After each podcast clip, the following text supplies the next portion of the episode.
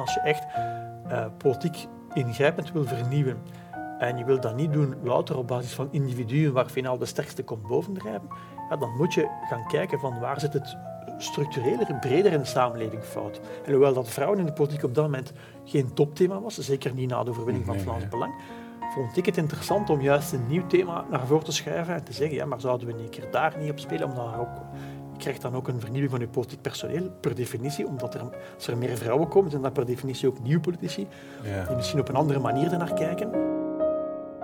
Je gaat zo meteen luisteren naar het gesprek dat ik heb gevoerd met Luc van Marken.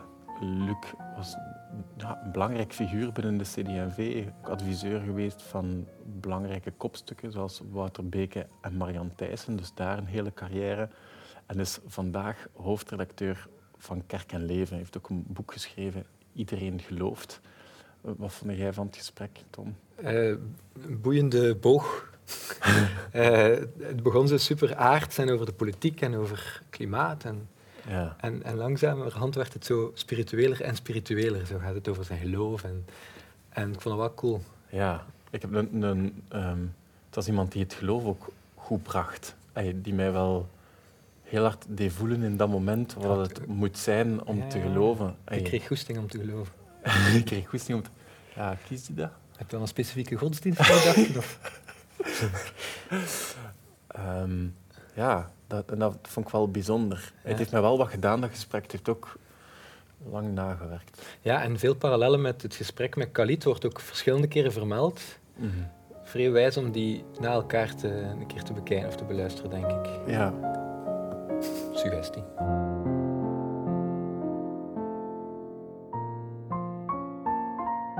We zitten ook in een hypercompetitieve markt. Hè. Dat is eigenlijk het meest fundamentele wat aan de politiek veranderd is. Maar ik ben misschien te veel aan het uitweiden. Nee, nee, nee. Dat is de bedoeling van hier. Ja, dat doen we graag. Uh, maar dus tot... Eigenlijk zou je kunnen zeggen dat tot Zwarte Zondag, hè, uh, wanneer was het? Uh, 1991, ja, zit je in de Belgische politiek in een relatief weinig competitieve uh, omgeving in die zin dat je met een aantal vaste gegevens zit. Namelijk, de christendemocraten zijn altijd de grootste, gaan altijd een regering vormen en gaan altijd de premier leveren. Ja. En naarmate dat de liberalen of socialisten het wat beter of wat slechter doen, hè, krijgt dat een ander accent. Ja. Gaat er wat meer naar rechts of wat meer naar links, maar krijgt eigenlijk altijd een centrumbeleid met wat rechtser of linkser accenten. Mm Daar komt het eigenlijk op neer. Waardoor dat die politieke partijen onderling een relatief goede verstandhouding hebben en je met, uh, tot en met Jean-Luc Dehane met politici zit die over partijgrenzen heen echt ontsprekend Trump zijn en elkaar echt vertrouwen. En die weten, oké, in een politieke campagne, in een verkiezingscampagne gaan we elkaar een, een, paar maanden hevig bekampen, maar daarna is dat gedaan, zitten we terug aan tafel en weten we van elkaar perfect, oké, wat moet er gebeuren, hoe gaan we dat aanpakken. Hè? En is het met de liberalen en wat zal er wat minder belasting zijn, is het met socialisten en wat zal een beetje meer sociaal beleid zijn. Maar in grote lijnen gaat dat niet spectaculair verschillen. Dat noemen ze de elitaire consensus in de mm politicologie. Mm Namelijk dat er over een aantal dingen eigenlijk een consensus bestaat en dat je elkaar ook kunt vinden. Met de doorbraak van het Vlaams Belang wordt je speelveld kleiner. Je krijgt een percentage van zetels in, in, het parlement, van de stemmen en dus ook van de zetels, waar je niets mee kunt doen, maar je kunt er geen regering mee maken. En dus je speelveld wordt kleiner. Je aantal partijen waarmee je meerderheid kunt maken, wordt kleiner en die partijen worden elk ook kleiner. Mm Maar doordat je speelveld kleiner wordt, betekent niet dat je meerderheid kleiner mag zijn, want je hebt nog altijd een meerderheid op het geheel nodig. Ja. En er ontstaat een grotere hypercompetitiviteit. En op een bepaald moment begint de marktleiderschap van de christendemocraten te wankelen en dan krijg je de 99 dioxinecrisis en vallen die in de oppositie. Mm En ontstaat er een heel nieuwe sfeer met het idee, iedereen kan de grootste zijn, iedereen kan de leiding pakken, iedereen kan verkiezingen winnen en verliezen. Mm En er ontstaat een hypercompetitie tussen politieke partijen die gericht is op een procentje meer of minder bij de eerstvolgende verkiezingen. En het lange termijn verhaal van ik ga nu zaaien om binnen tien jaar te oogsten, wat het handelsmerk was van mensen als Wilfried Martens of Jean-Luc Dehaene. Hè. We moeten nu besparen en de mensen gaan niet content zijn, maar binnen tien jaar gaan we kunnen zeggen, kijk eens, de begroting is nu op evenwicht of we hebben de euro kunnen halen en we mogen nu meedoen aan de euro. Enzovoort. Dat valt weg, die lange termijn doelstellingen, omdat die mhm. niet meer matchen met die hypercompetitie die elke verkiezing opnieuw moet plaatsvinden. Mhm. En waarbij zelfs gemeenteraadsverkiezingen nationale test, populariteitstesten worden enzovoort. Ja. En de hypercompetitie in de politiek is gruwelijk geworden op dit moment. Hè. dat klinkt mij op zich... Ik, ga heen en weer terwijl je erover praat. Dat ik denk van dat, dat lijkt mij goed dat, dat één partij niet zeker is van. Hè, het, zou, het zou een goede zaak zijn als we nog altijd. Mocht een situatie hebben dat je nog altijd drie grote partijen hebt, maar dat je niet meer op voorhand weet welk dat van de drie de grootste is, zou ik zeggen, dat is eigenlijk een goede zaak. Heb je wat meer. Concurrentie en een wat meer echte keuze. En het kan een keer zijn een socialist de grootste wordt, of een liberaal of een christendemocraat. Maar je zit met een, een, een draag, alleen met een situatie waarin geen enkele partij nog van iets zeker is. En dan leek even de voorbije jaren N-VA de nieuwe, ze zijn niet erbovenuit steekt, maar N-VA is een partij die bijna genetisch niet in staat is om, om leiderschap en verantwoordelijkheid op te nemen. De Wever is geen premier geworden, hij wil het niet. Wat dat vroeger ondenkbaar zou geweest zijn, dat een partij met 30% niet de premier zou leveren. Eh, dat, dat zou gewoon... Uh, allez, als je dat 30 jaar geleden zou gezegd hebben, zouden ze je uitgelachen hebben. Kom jij nu vertellen? Hè? Mhm. Maar ook dat heeft te maken met het feit dat de Wever niet meer redeneert zoals een De Haan of, of een Martens vroeger van ik heb hier een mandaat van de kiezer of een opdracht van de kiezer gekregen, ik ga dat hier vastpakken, ik ga daar iets mee doen. Maar redeneert van, oei, als ik dat doe, ga ik de volgende verkiezingen slecht gepositioneerd zijn, dan ga ik verliezen en dit en dat. En dus dat, dat permanent ja, marketing en marktdenken is ongelooflijk diep in de politiek ingeslopen. Mm komt, komt het ook niet een stuk door, als je, als je dan afvraagt waarom dat, dat dan zo geworden is, dat zo dat, dat, dat, dat, die elitaire consensus, dat daar iets fundamenteel fout mee was. Dat er een aantal problemen niet gezien zijn geweest door die elite. Dat het echt een elitaire consensus was, zijn de... Ja, wel elitair, niet, niet, niet in de zin van bezig met, met de elite en niet met het volk. Nee, nee dat niet. bedoel ik niet. Maar wel, ja, de, de klassieke partijen zijn ontstaan op drie breuklijnen. Hè. Mm Dus grofweg sociaal-economische breuklijn, dus de, klassieke links-rechts arbeid versus kapitaal, zou je in het, uh, in het uh, klassiek socialistisch of marxistisch discours zeggen. Je had de, de Waals-Vlaamse tegenstelling, die uniek is voor ons land, die in andere landen niet bestaat. En dan heb je de uh, katholiek-vrijzinnige tegenstelling, uh, die bij ons ook scherper is in andere landen, omdat bijvoorbeeld een land als Nederland heeft ook nog een keer protestanten enzovoort. Het is ja, ja, eerder Duitsland ook. Dus bij ons had je drie klassieke breuklijnen die zeer helder waren. En waar eigenlijk de hele uh, pacificatiepolitiek op gebaseerd was van hoe overstijgen we die drie breuklijnen en pacificeren we die, vinden we oplossingen waarmee telkens de beide groepen aan weerskanten van de breuklijn kunnen leven. En door het feit dat de drie breuklijnen andere indelingen opleverden, mm zat je ook nooit drie keer in hetzelfde kamp tegen een ander, maar had altijd wisselende bondgenootschappen. Hè. Kijk, ja. Jij kon bijvoorbeeld een, eh, een Waalse katholiek zijn en ik een Vlaamse katholiek, en dan hadden wij de Waals-Vlaamse tegenstelling bestond tussen ons, maar als het over iets uh, ethisch ging, dan zaten we wel in hetzelfde kamp, snap je? Ja, ja. Nee, uh, cool dat dat werkt. Ja. ja. goede oplossing. En dus de hele Belgische politiek, zeker na oorlog, was heel sterk op pacificatie gebaseerd. En met grote akkoorden, cultuurpact, schoolpact. Mm het sociaal overleg ook tussen vakbonden en werkgevers, ook met landbouwers erbij en zelfstandigen en zo, mhm. eh, heeft lang eigenlijk de zaak ertoe geleid dat, je, dat het zoeken van een consensus die breuklijnen overstijgt, eigenlijk de normale reflex was.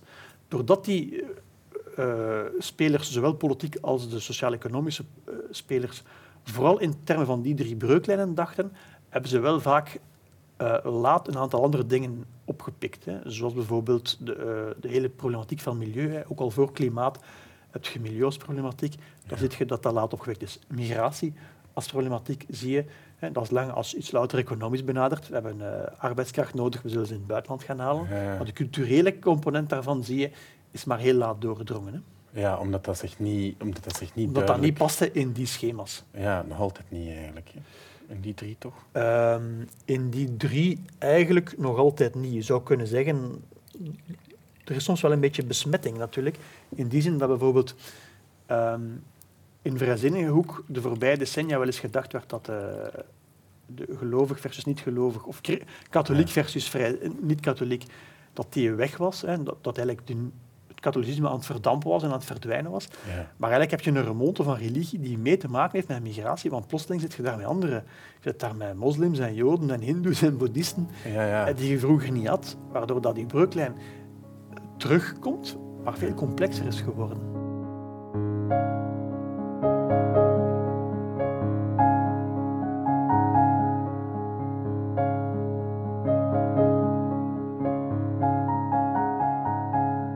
Vooruitgangsoptimisten slaan ons om de oren met cijfers die zeggen de wereld is nog nooit zo goed geweest als vandaag. Mm. armoede is nog nooit zo laag geweest, de welvaart nog nooit zo hoog, de kindersterfte nog nooit zo laag, nog nooit zijn zoveel kinderen naar school geweest, nog nooit zijn zo weinig vrouwen in het kraambed gestorven, nog nooit hebben zoveel kansen gehad enzovoort. En weet je wat, die mensen hebben absoluut gelijk. Dat kun je, die cijfers zijn echt juist, je kunt die niet tegenspreken. En het is ook goed dat die cijfers er zijn als tegengewicht voor het idee dat het allemaal om zeep is en dat het altijd maar slechter met de wereld gaat. Dat is niet waar. Je kunt dat echt bewijzen dat dat niet waar is. Mhm. Alleen, het feit dat het beter gaat met de wereld, heeft niet geleid tot een gevoel dat we er beter voor staan en dat, dat we eigenlijk wel echt op de goede weg zitten en dat, het, dat we eigenlijk wel eh, niet mogen klagen. Nee, het heeft ons allemaal defensiever gemaakt. Omdat in plaats van te dromen over wat we zouden kunnen verwerven of wat beter zou kunnen worden in de toekomst, zijn we eigenlijk um, ons bedreigd gaan voelen door alles en iedereen die ons zou kunnen ondermijnen en die zou kunnen afpakken waar we hecht zijn. Migratie is daar natuurlijk een type voorbeeld van. Hè. In diepst van ons gedachten worden wij overspoeld door migranten en door vluchtelingen die hier uh, ons geld komen afpakken, ons jobs komen afpakken, ons dochters komen afpakken, uh, ons komen vervangen, ons verplicht moslim gaan maken enzovoort. Allemaal dingen die bedreigend zijn voor wat we hebben en de manier waarop dat we leven. Mhm. Als je dat nuchter bekijkt, dan is dat eigenlijk helemaal niet zo, maar we voelen dat zo aan. Um, eigenlijk is de klimaatproblematiek daar ook wel iets in. Hè. Waarom, waar komt klimaatontkenning vandaan? Hè?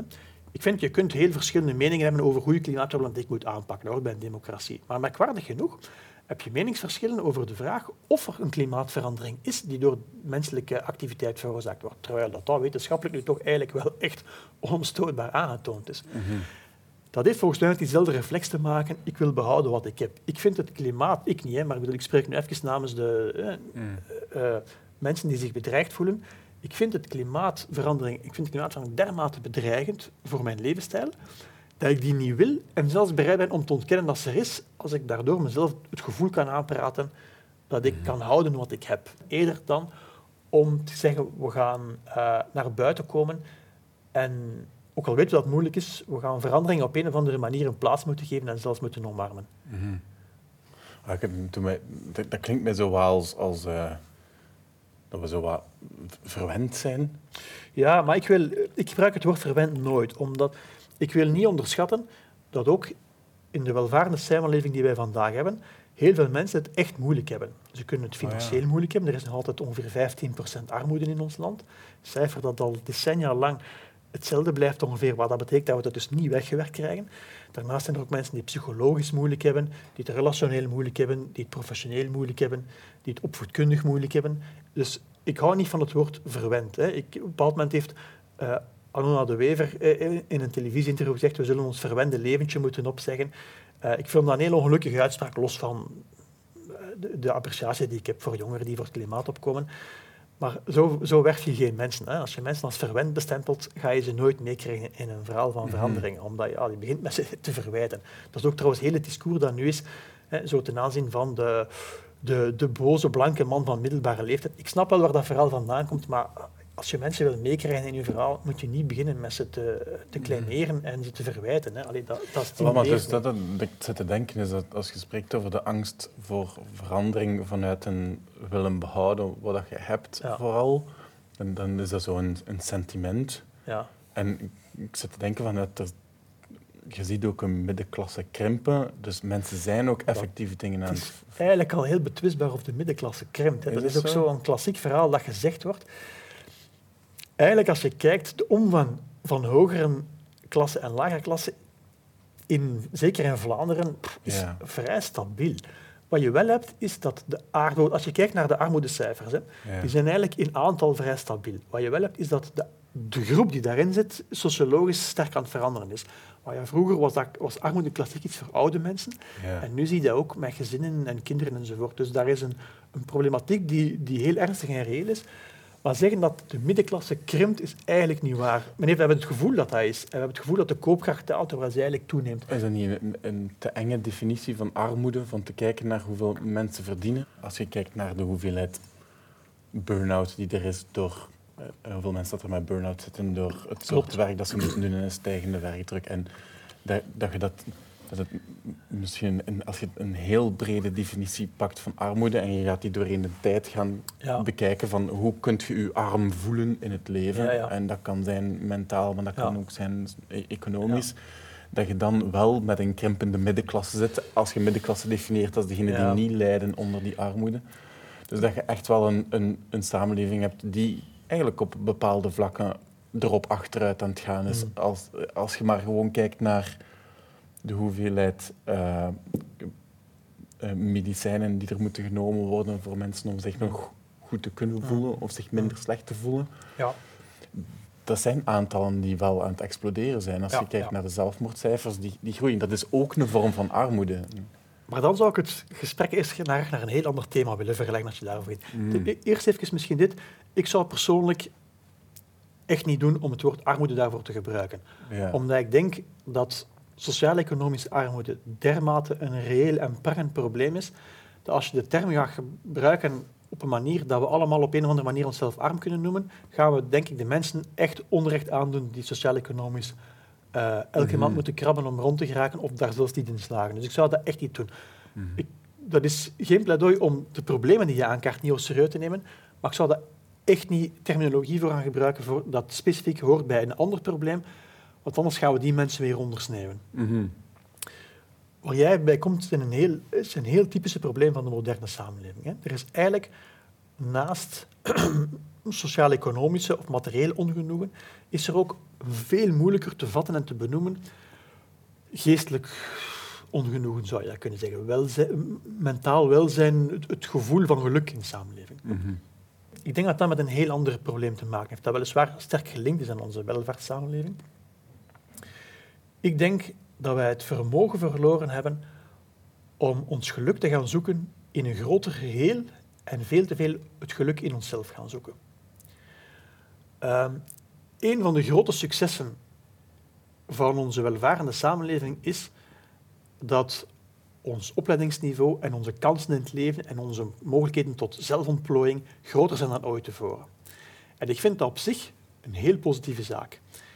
In mijn kerkelijke kringen mhm. staat men daar vaak argwanend tegenover. Zelfontplooiing wordt daar niet altijd beschouwd als een positief woord. Ook autonomie, zelfbeschikking, hè, wat je dan bijvoorbeeld hebt in ethische debatten enzovoort, staat men vaak weigerachtig tegenover. Ik niet. Ik vind dat heel belangrijk. Maar ik vind dat slechts één element in een groter geheel. Als we daar de mens op gaan terugwerpen, op zelfontplooiing, op zelfbeschikking enzovoort, op de ultieme persoonlijke ontwikkeling, dan maken we van iets wat in C een kans is, een ongelooflijk zware molensteen rond de hals van mensen.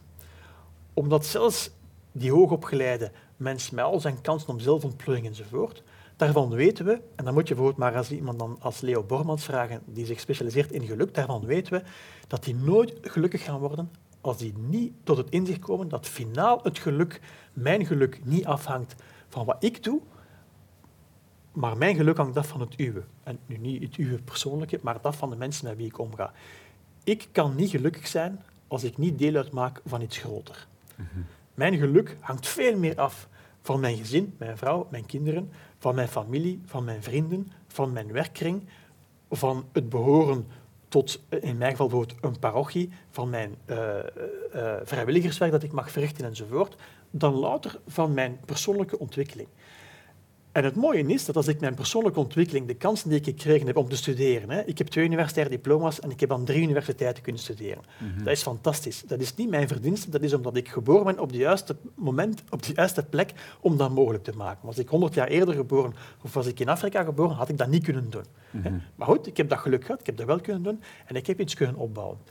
Als ik daar nu mezelf mij op mezelf ga terugtrekken en alleen maar aan mezelf ga denken, dan ben ik de ongelukkigste mens ter wereld. Als ik met datgene wat ik heb kunnen ontwikkelen en ontplooien, mij kan inzetten voor een samenleving, uh, kan trouwen met iemand, kinderen op de wereld kan zetten, die kinderen kan opvoeden, ergens kan gaan werken, een werk verrichten dat voor andere mensen relevant is, dat iets toevoegt in hun leven, mij als vrijwilliger kan inzetten, in het verenigingsleven actief kan zijn enzovoort, dan ga ik die dingen, die kansen die ik benut, inzetten voor iets wat maatschappelijke meerwaarde heeft, en waar ik echt geluk kan uithalen. Mhm. En als hoofdrecteur van Kerk en voeg ik daar natuurlijk nog een element aan toe, dat is religie. Hè. Ehm, en religie is ook zo'n element. Geloven in God maakt dat je als mens per definitie deel uitmaakt van iets groters. Je bent niet op jezelf teruggeworpen. Er is altijd iets of iemand, ik ga het nu heel simpel zeggen, die je graag ziet. Mhm. En waar je mee verbonden bent. Zelfs in de donkerste, diepste, eh, de zwartste uren van je leven is er iets waarvan je kan geloven, dit overstijgt mij, dit overstijgt ook mijn hier en nu en de ellende waar ik nu doorga, er is iets groter. En ik mag daar deel van uitmaken. Sociale verbanden tussen mensen en religie, of je nu de twee hebt of één van de twee, zijn typische voorbeelden van wat mensen optilt in het op zichzelf terugwerpen en wat u eigenlijk een zin geeft die groter is dan wat je kan bereiken op je eentje. Maar er is nog een tweede element aan. Dat is dat het ook heel veel druk van je schouders haalt. Want vandaag voeden wij onze jongeren op met het idee dat ze bijzonder zijn en alles kunnen in het leven en dat ze de, meest unieke mensen zijn die er zijn en die fantastische dingen gaan kunnen doen in het leven. Nu, dat mag. Je mag je kinderen vertellen dat dat mogelijk is. Maar tegelijk leg je enorme druk op hen, omdat je hen ook het gevoel geeft dat ze moeten slagen in het leven, dat ze moeten bijzonder zijn. En misschien moeten we de mensen, onze jongeren vandaag, terug eens durven vertellen dat het oké is ook om gewoon te zijn. En wanneer kan je gewoon zijn? Als je deel mag uitmaken van een groter geheel. Als ik een filmster of een popster moet zijn, dan ligt er een enorme druk op mijn schouders. Hè? Want ik moet de strafste en de beste en de schoonste en de grootste zijn. Maar als ik gewoon mag gaan werken en ik, uh, ik ben bouwvakker en samen met tien collega's met zich in huis en een jaar later rijd ik door de straat en kan ik aan mijn vrouw en kinderen zeggen dat huis heb ik meegebouwd en dat huis heb ik meegebouwd en dat huis heb ik meegebouwd. En ik weet dat daar vandaag mensen wonen die een dak boven hun hoofd hebben, die daar een gezin kunnen stichten, die daar aan hun geluk kunnen werken. Dan is dat veel minder spectaculair dan als ik popster of filmster ben. Maar ik mag deel uitmaken van iets groter, wat betekenis heeft voor anderen. En de vraag is of je daar finaal niet veel meer voldoening en geluk gaat uithalen en dat dat niet veel minder druk op je schouders gaat leggen. Oef, ik mag gewoon één van die bouwvakkers zijn die meegewerkt heeft aan huizen waar mensen in wonen. Hoe fantastisch is dat niet? Maar het is niet spectaculair. En dan kom ik bij uw burn-outs en bij de psychische druk en bij de depressies enzovoort. Moeten we dat vermogen niet terug gaan herwinnen? Het vermogen dat het oké is om niet uit te blinken, om niet de strafste en de mooiste en de grootste te zijn, maar om gewoon deel uit te maken van iets groter, dat zinvol is, dat betekenis heeft voor anderen, dat betekenis heeft voor de samenleving en dat dat gewoon oké is om één van de velen te zijn die deel uitmaken van een groter geheel.